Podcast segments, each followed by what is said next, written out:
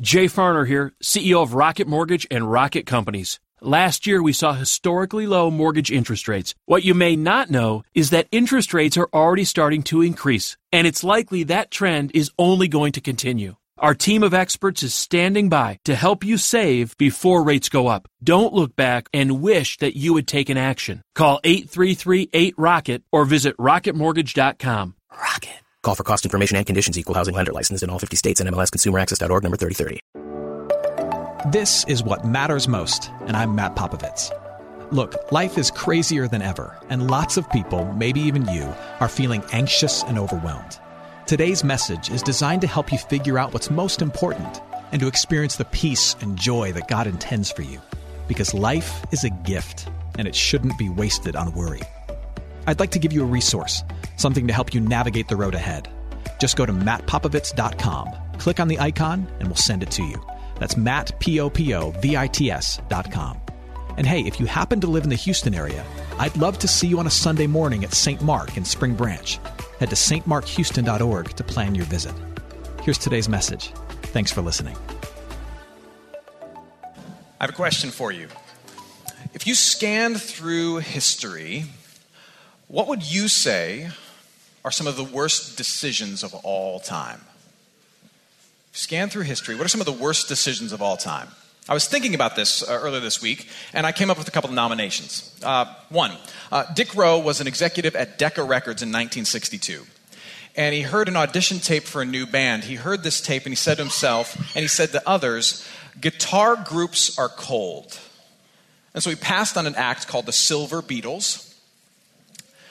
And he was wrong. Because just a handful of months later, that group, now called just the Beatles, were selling tens of millions of records. That's a bad decision, right? Or what about being Ed Smith, the captain of the Titanic? His crew, under his leadership, said icebergs are easy to steer around. His choices led to one of the greatest tragedies of all time the death of 1,500 people and the fame of Leonardo DiCaprio. Bad decision. Today, we're wrapping uh, a short conversation that we've been having entitled Tough Call. And uh, the big idea is this life is full of big decisions.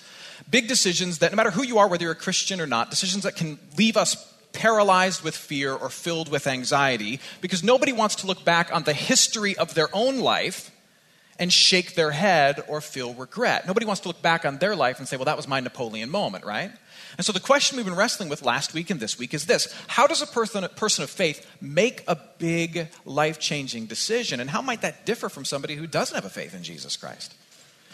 And now I say that wanting to make a quick disclaimer that this sermon kind of falls into the category that some of the books of the Bible fall into, which is really just pure wisdom.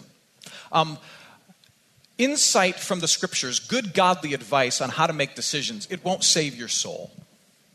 And honestly, it, it won't really give you peace at night. It, it's good godly advice, but the only thing that saves your soul and gives you deep peace is knowing that God the Father has solved the biggest problem of you being disconnected from Him through the work of His Son, Jesus Christ. The fact that your sins are not being held against you. The fact that the things that you've done wrong don't disconnect you from the one who made you. That's the big message of Scripture. That's what gives us peace. That's more important than any decision that you make okay? But along with that, God gives us wisdom. He gives us insights on things that He knows are important to us. For example, the book of Proverbs falls into that category. And so does the conversation this morning. How do we make a big decision? Now, I want to have a quick recap of last week's discussion because it all kind of works together. One of the things we said last week is that before we look out at our big decision should I take this job? Should I marry this person? Should I move to this new place? Before we look out at the big decision, what people of faith do is we look inward and we examine our hearts. Specifically, we put our decision in a humble perspective. And we say to ourselves, ultimately, I am not in grand control of my life, God is. And then we also confess our fears. What is the big thing I'm afraid of if this decision goes wrong? And we let God remind us and comfort us of the truth that even if the worst thing in the world happens, we are accepted by the Father who made us on account of Jesus Christ. We find comfort in that. And then after looking inward, then we look outward at the decision itself. Should I marry this person? Should I move to this city? Should I take this new job? And we had time last week for really one really practical step. And we reminded ourselves that the scriptures urge us to invite in the wisdom of other people. To specifically, as you deal with the big decision, to invite in those who know you and those who know Jesus. And with the time we have today, I want to give you just a handful of the final pieces of that faith filled decision making puzzle. So, after we examine our hearts, after we invite in the wisdom of others, I would offer to you that there are three other things that people of faith do we question, we leap, and we rest. That's what I'm going to talk about this morning. We question, we leap, and we rest. Uh, when you're facing a big decision, as you examine the opportunity in front of you, human beings tend to ask a lot of questions about the opportunity. But there's two questions that kind of rise to the surface for us. The first big question we tend to ask is well, is it possible? Can I do this thing? Do I have it in me to make this move? Can I marry this person and not be annoyed by them in perpetuity? The second question we ask is will it be enjoyable? If I make this decision, will it make me feel happy? Will I like what I've done? So, is it possible and is it enjoyable? Is it possible? Can I pull it off? Can I do this work at this new job? Can I be in this relationship without hating this person? And will it feel good? Will I think better of myself if I move to this new city? Will I have fun with this thing that I'm dying to purchase? And for most of us, if as we examine the opportunity in front of us, if the answer to those two questions is yes, I can do it and I'll enjoy it, then we tend to go for it. I can do it and I'll enjoy it. But if you flip through the scriptures, you'll see the scriptures draw us to a larger question. It's basic, but I want you to go with me. We're called to not just ask the question, can I do it and will I enjoy it? But here's the big question we're called to ask Is it wise? In the face of a big decision, people of faith are called to question the wisdom of the choice before you. As mom and dad used to say, just because you can doesn't mean you. Oh, yeah, the same parents I did. That's good. And God calls us to this because He knows that our ability to rationalize something ridiculous is incredible. Our ability to rationalize something ridiculous is incredible. As human beings, we are biased towards our own enjoyment. We are biased towards our own indulgence, to that which is simply most exciting. For human beings, if the heart wants something, our mind will find it reasonable, our will will find it doable, and our emotions will find it desirable. Let me repeat that. For human beings, if the heart wants something, our mind will always find a way to find it reasonable. The will will always find a way to see it doable. And the emotions will follow and say, you know what? I find this desirable. And so, God in the scriptures, particularly in places like um, the Proverbs, says to us pause, ask yourself a bigger question. Not just can you do it and will you enjoy it, is it wise?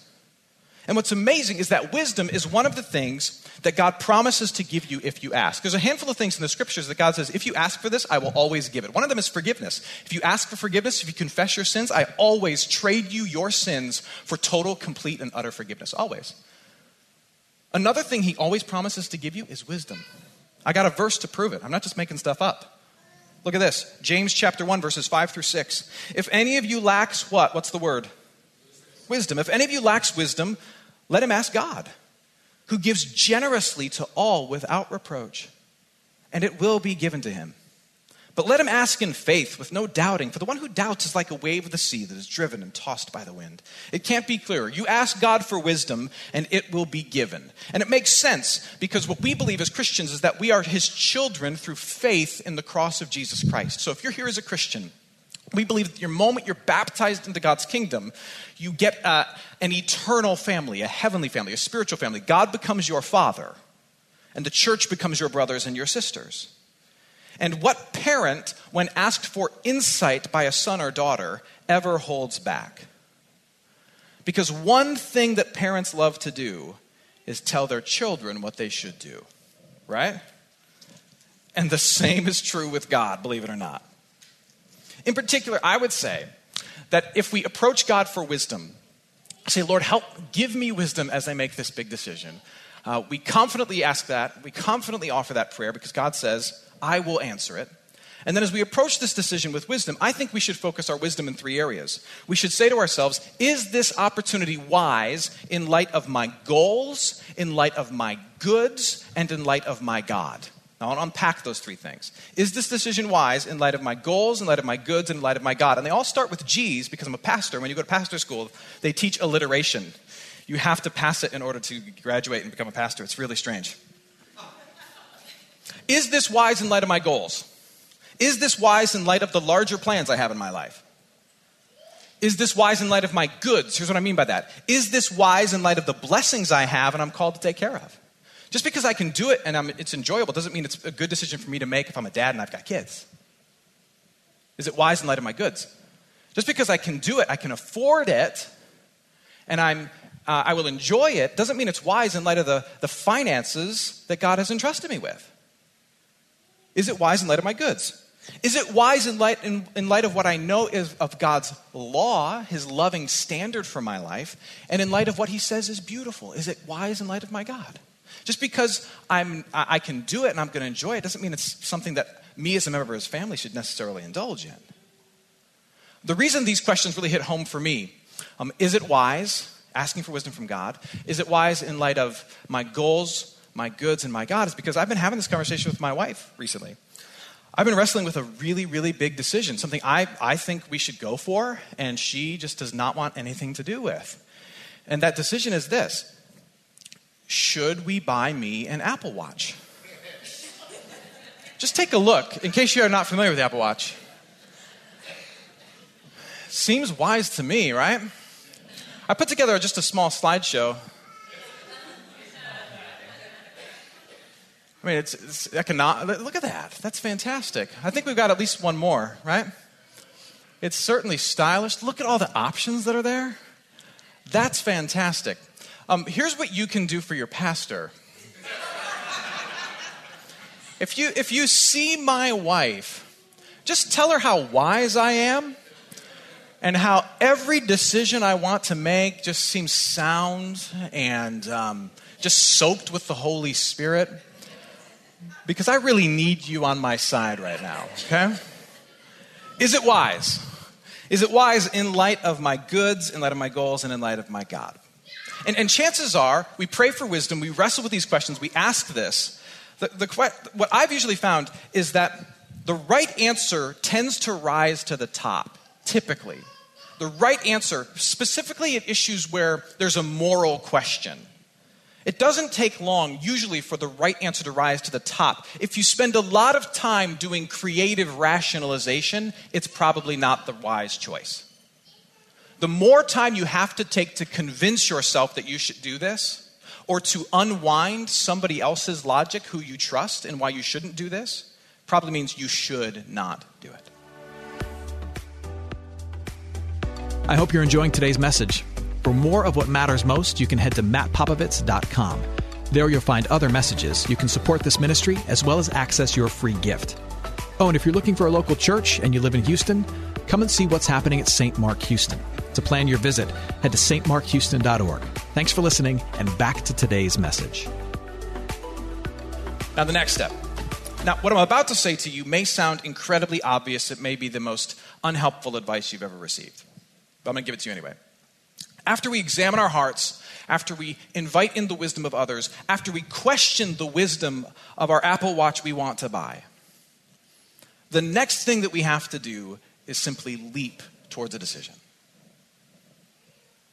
Just make a choice. And sometimes that choice, after you've prayed for wisdom, after you've, got, after you've gotten wisdom from others, Sometimes that choice is going to be crystal clear. Other times it is going to be clear as mud. Sometimes both options will seem wise. Multiple paths will seem fruitful and faithful. And the only thing it's left for you to do is simply pick. Because the truth is this that God is kind of like GPS. He works best while you're actually moving. And God's greatest concern, perhaps, isn't helping you make the perfect decision, but walking with you, challenging you, breaking you, building you as you live out a decision. Does that make sense? We worry about the decision itself. God spends most of his time walking with us in the outflow of that decision challenging us, breaking us, building us, drawing us closer to Christ. Uh, one of the more well known and oft quoted verses in Scripture is Psalm 119, verse 105. It says, Your word is a lamp to my feet and a light to my path. Now, that sentence is meant to paint a picture. Your word, the, the truth of, of my sin, the truth of God's forgiveness in Christ, his words of wisdom, is a light to my feet, a light to my path, a lamp to my feet, rather, and a light to my path. Now, when God says that His Word is going to light your path and be a light to your feet, He does not mean that this is going to be easy. That if you stay close to God, you're always going to be able to see the road ahead. The, the image that He uses in this verse is that of an ancient oil lamp. An ancient oil lamp uh, that you held in your hands as you walked in the dark. And an ancient oil lamp, it usually had one little flame right at the tip of it, right at the end. And it was not terribly bright. So, your word to me, God, is an ancient oil lamp with one little flame guiding my steps. And the same is true with God after we make a big decision. His word is a lamp to our feet, but that ancient lamp gave just enough light to see the next step. That's it. So even if you make the greatest, most wise decision, the road ahead is still a walk of faith where God is guiding you step by step, where He promises to walk with you, to speak to you, to forgive your sins. But it still requires an immense amount of trust. If you're waiting for the decision that you have to make to not just become clear, but to become faith free, guaranteeing you success or previewing for you every pitfall, then you will wait forever. Because that's not how God works. Our task is to make the wisest decision we can based on the information we have in front of us, and then to trust God the rest of the way. Your job is to leap. And then after you leap into that big decision, the only thing that's left is to rest. To rest your heart and your mind in the goodness of God. The goodness of God that has been proven to you in the cross and the empty tomb of Jesus Christ. Philippians chapter 4, verses 6 through 7 says this Do not be anxious about anything, but in everything by prayer and supplication with thanksgiving, let your requests be made known to God. And the peace of God, which surpasses all understanding, will guard your hearts and your minds in Christ Jesus. I appreciate Paul's words because they direct the person of faith in the midst of uncertainty to take our concerns to God and to receive the peace that comes from knowing all that is guaranteed in Christ. And, what is guaranteed? What can you rest assured of after your decision? You, can rest assured that, that God will, He will realign you, He will rescue you, and He will resurrect you. Jesus Christ has earned your place in the Father's family. Which means the Father will treat you as a daughter, the Father will treat you as a son. Which means he will do what a good dad does as he watches their child live their life. He will realign you if necessary, he will redirect you as he sees fit. If you think that your life is going to be a straight line, you are setting yourself up for frustration. One of the best lines from Les Mis, fantastic musical, fantastic book. The straight line is a respectable myth that has ruined many a man. Likewise, if things get horribly out of hand, he will rescue you. I can't say to you that, that bad things won't happen to you. That's not how God works. You, you can make the perfect decision, and there is no promise that bad things will avoid you. Your marriage may very well end, even if you choose the perfect person. Your money may run out, even if you are incredibly wise with it. Your job may lack joy, no matter how much decision making wisdom you take on the front end as you choose your career. But God promises to rescue from real tragedy. Real tragedy is being unknown by Him or having no redemptive purpose in your pain. And he will rescue you in the sense that nothing can go so wrong that it will separate you from his love. Nothing. Nothing will be so bad that it will be beyond his ability to bring beauty out of it. He will always be there to forgive you. He will always be there to show his power to you. He will always be there to work a story of peace and grace in you. And for God, that's a better ending than if things had gone perfect according to your plan in the first place. Lastly, God promises to, re- to resurrect you. Not metaphorically. What Christians believe is that He will resurrect you literally. So, worst case scenario, you go through all the steps and you work the perfect Christian plan of how to make a decision. Worst case scenario, that decision still costs you everything. Nothing goes your way. And you go to your deathbed deep in regret Worst case scenario, you pass on the Beatles. You sink the Titanic. You get lice in Russia. God will make it better.